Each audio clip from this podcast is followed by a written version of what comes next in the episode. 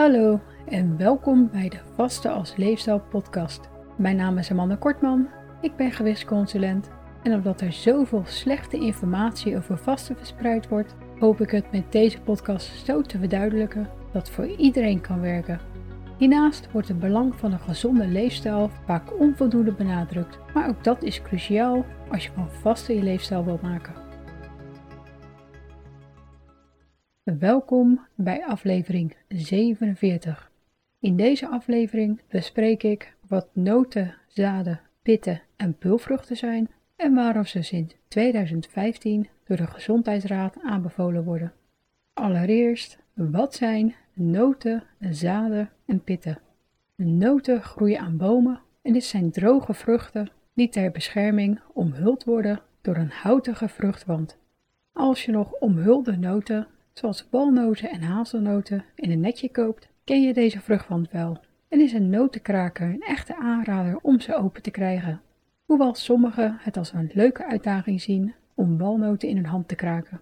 Onder de noten vallen natuurlijk ook amandelen, cashewnoten, kastanjes, macadamianoten, paranoten, pekannoten en pistachenoten. En hoewel pinda's eigenlijk bulvruchten zijn, vallen ze vanwege hun hoge hoeveelheid vet en vergelijkbare voedingswaarde ook onder de noten.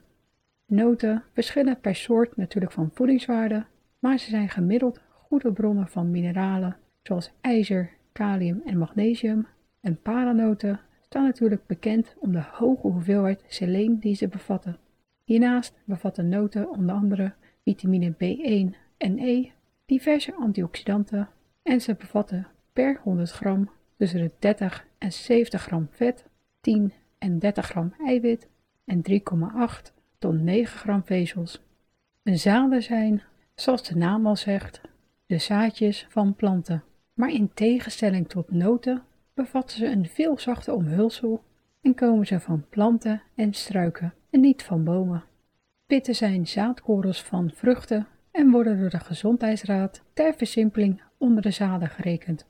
De namen worden namelijk door elkaar gebruikt. Denk maar aan zonnebloempitjes, wat de zaden van zonnebloemen zijn, en ik zal ze daarom tegelijk bespreken. Bekende zaden en pitten, die ik vanaf nu samenvoeg tot zaden, zijn chiazaad, hennepzaad, lijnzaad, maanzaad, pijnboompitten, pompoenpitten, sesamzaad en dus zonnebloempitten. Onder de zaden vallen technisch gezien ook de granen die ik in aflevering 46 heb besproken, maar door hun afwijkende voedingswaarde van de standaardzaden vallen ze dus onder de granen. Ook zaden verschillen per soort natuurlijk van voedingswaarde en vele zijn een goede bron van vitamine B3 en E en van het mineraal zink.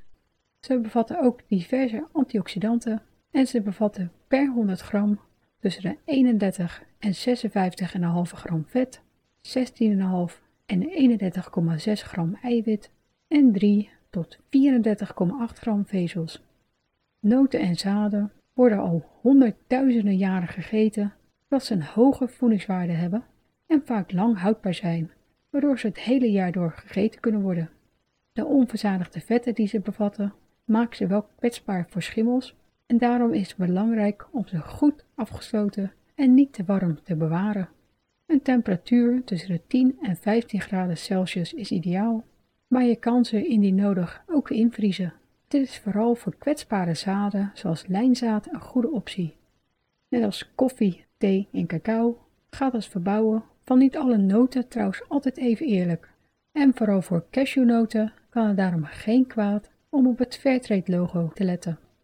Door de hoge voedingswaarde worden we aangeraden om dagelijks een handje noten te nemen en voor vrouwen is dit vergelijkbaar met 25 gram en voor mannen 25 tot 40 gram.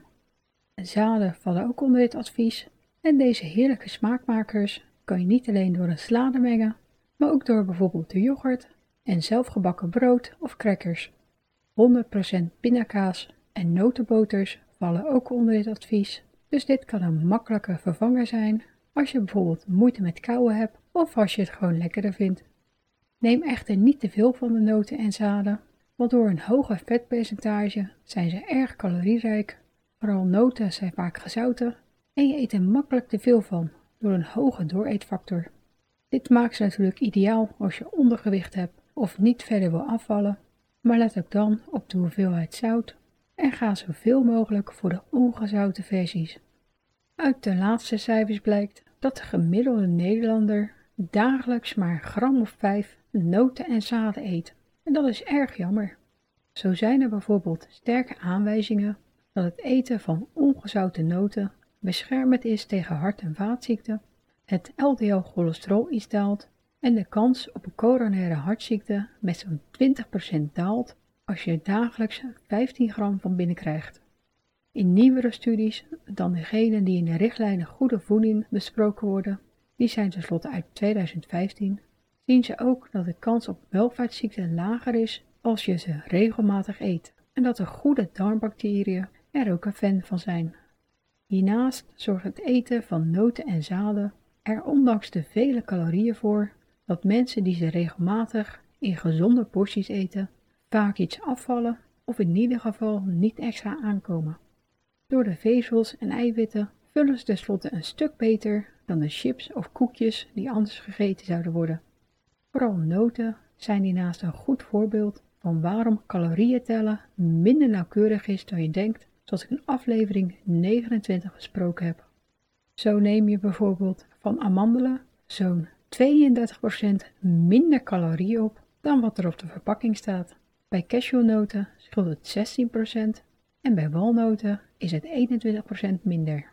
Maar vermaal je alles of maak je er zelfs notenboter van, scheelt het maar een paar procent, zodat je niet op hoeft te kauwen, je darmbacteriën maar amper en alle vetten daardoor veel makkelijker vrijkomen en opgenomen worden. Wil je dus afvallen? Ga dan voor een handje nootjes. Wil je aankomen of op gewicht blijven? Vooral als je je huidige vastschema aan wil houden, meer dan regelmatig juist een dikke laag 100% pindakaas of notenboter op je volkoren boterham of cracker. Ben je trouwens allergisch voor bepaalde noten of zaden? Kijk dan samen met een allergoloog en welke je wel kunt eten, want het komt mij zelden voor dat iemand voor ze allemaal allergisch is. En heb je last van het oraal allergiesyndroom, iets wat als kruisallergie getriggerd kan worden door hooikoorts, dan zijn pindakaas en notenboters de beste keuzes, aangezien het verhitten ervan ervoor zorgt dat de eiwitten waar je op reageert afgebroken worden en ga dan dus niet voor de rauwe. Ik heb zelf gemerkt dat het een groot verschil maakt, hoewel ik er door het vasten gelukkig nog maar zelden last van heb. Ik krijg regelmatig de vraag of het nu beter is om geroosterde noten te eten of rauwe. En hoewel het erop lijkt dat rauwe vaak meer antioxidanten bevatten, moet er echt nog meer studies naar gedaan worden en zou ik gewoon gaan voor degene die jij het lekkerst vindt. Het lijkt er wel op dat de meeste antioxidanten zich in het velletje bevinden, dus daar kan je wel rekening mee houden. Ook pulvruchten zijn een goede aanvulling op je eetpatroon. Deze komen van vlinderbloemige planten die hun vrucht als peulen produceren, waarvan de eetbare zaden pulvruchten genoemd kunnen worden. Onder de echte pulvruchten vallen alle soorten bonen, linzen, kapucijners, kikkererwten en splitterwten. Zoals ik eerder al zei, zijn pinda's plantkundig gezien pulvruchten, maar door hun afwijkende voedingswaarde, met vooral het hogere vetpercentage, worden ze dus als noten gezien. Niet alle eetbare zaden van de vlinderbloemige planten worden echter onder de echte pulvruchten gerekend. Zo vallen doperwten onder de groene pulvruchten en worden ze daardoor als groente gezien. Ook zijn er pulvruchten waarbij ook de pultjes worden gegeten en hierbij kan je denken aan sperziebonen, snijbonen, sugarsnaps, kousenband en pultjes. Ook deze vallen onder de groenten, omdat ze meer gemeen hebben met de voedingswaarde van een gemiddelde groente dan van echte pulvruchten. De voedingswaarde van echte pulvruchten wisselt alsnog behoorlijk, maar ze bevatten gemiddeld onder andere vitamine B1 en B6, mineralen zoals calcium, ijzer en magnesium en natuurlijk antioxidanten. Hiernaast bevat ze bereid per 100 gram tussen de 0,4 en 11,2 gram vet, tussen de 5,7 en 23 gram eiwit en 3,8 tot 13,2 gram vezels. Ze zijn daardoor gemiddeld gesproken een goede bron van eiwit en vezels. In tegenstelling tot noten en zaden kan je pulvruchten niet rauw eten. Ze bevatten namelijk een giftig stofje genaamd lectine, wat voor maag- en darmklachten kan zorgen, maar wat er gelukkig gewoon uitgekookt kan worden. De pulvruchten die je in blikken, potten, staanzakken en de diepvries kan vinden, zijn al voorgekookt, waardoor je deze alleen maar hoeft op te warmen of zelfs koud kan eten. Gedroogde pulvruchten zijn echter een stuk goedkoper, maar hebben op linzen na een lange kooktijd, waardoor ik ze vaak zelf in mijn multicooker bereid. Dit is niks simpelers dan ze s'nachts minimaal 8 uur laten weken in driemaal zoveel water als de pulvruchten, ze ochtends af te spoelen en ze daarna in ongeveer een uur gaar te koken in voldoende water. Ik vries ze dan altijd in porties in, zodat ik ze bijvoorbeeld aan chili of wraps kan toevoegen of er bonenburgers of brownies van kan maken. Sojabonen vallen onder het advies van de pulvruchten en doordat er veel tegenstrijdige berichten zijn te vinden over de isoflavonen die ze bevatten, bespreek ik ze even apart. Door de oestrogene werking van isoflavonen zijn bijvoorbeeld vrouwen met borstkanker jarenlang gewaarschuwd dat ze soja moeten vermijden. In Aziatische landen waar veel soja wordt gegeten, wordt echter juist gezien dat de vrouwen minder kans op borstkanker hebben. Nu worden daar ook meer groenten en minder suiker gegeten, maar soja zelf hoef je daarom niet extreem te vermijden. Dit geldt ook voor de vruchtbaarheid van mannen, waarvan jaren is gezegd dat soja deze zou verminderen. Kijk wel uit met supplementen die deze isoflavonen bevatten. De concentratie hierin kan flink oplopen en vergelijkbaar worden met kilo soja. En dan kunnen deze op hormonen lijkende stoffen je lichaam wel uit balans halen. Houd het daarom bij minimaal bewerkte soja in de vorm van bijvoorbeeld ongezoete sojadrink, tofu en tempeh en neem er geen kilo's van. We worden aangeraden om wekelijks 200 gram pulvruchten te eten en dit is omdat ze niet alleen een goede bron van vezels en eiwitten zijn, maar ook omdat ze in verband zijn gebracht met een beter LDL-cholesterol. De gemiddelde Nederlander komt wekelijks echter niet eens op de helft. Nu is dit voor sommigen begrijpelijk, aangezien je net als bij noot en zaden ook voor pulvruchten allergisch kan zijn. De mogelijke allergenen vind je natuurlijk altijd terug in de voedingswaardetabel, waarin ze dik gedrukt staan. En je hebt ongetwijfeld wel eens de woorden soja, lupine en pinda zien staan, of de waarschuwing eronder kan sporen van puntje, puntje, puntje bevatten. Je kan echter ook allergisch zijn voor de overige en het is belangrijk om dit goed uit te laten zoeken als je de volgende klachten krijgt als je iets gegeten hebt waar ze in zitten. Een tintelende of prikkende mond, eczeem, galbulten, diarree, overgeven, ontstoken neusslijmvlies, hoesten of kriebelhoest, niezen, hoorbare of piepende ademhaling, benauwdheid, slijmvorming of een astma-aanval. Pulvruchten staan natuurlijk vooral bekend om hun gasvormende effect, wat waarschijnlijk niet helpt bij hun gebrek aan populariteit. Als je je wilt toevoegen aan je eetpatroon, kan het daarom zeker geen kwaad om de hoeveelheid langzaam op te bouwen. Vooral als je gevoelige darmen hebt.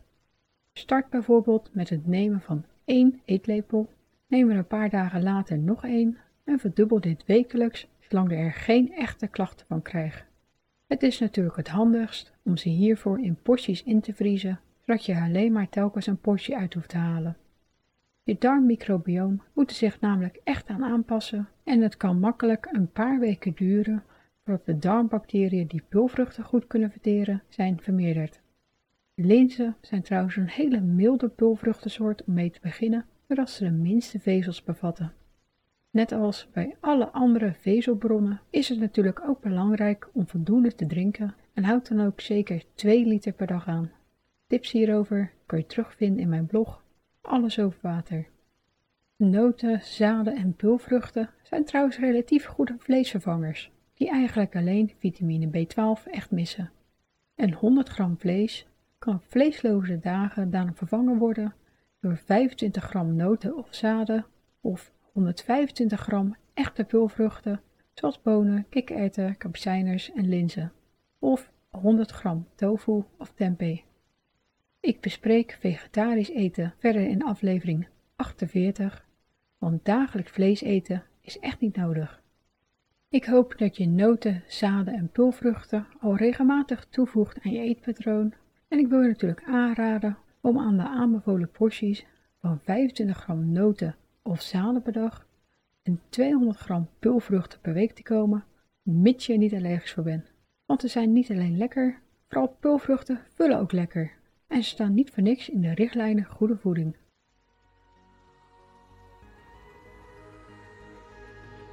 Bedankt voor het luisteren en vergeet niet dat je de onderwerpen en bronnen altijd in de omschrijving van de aflevering kunt vinden.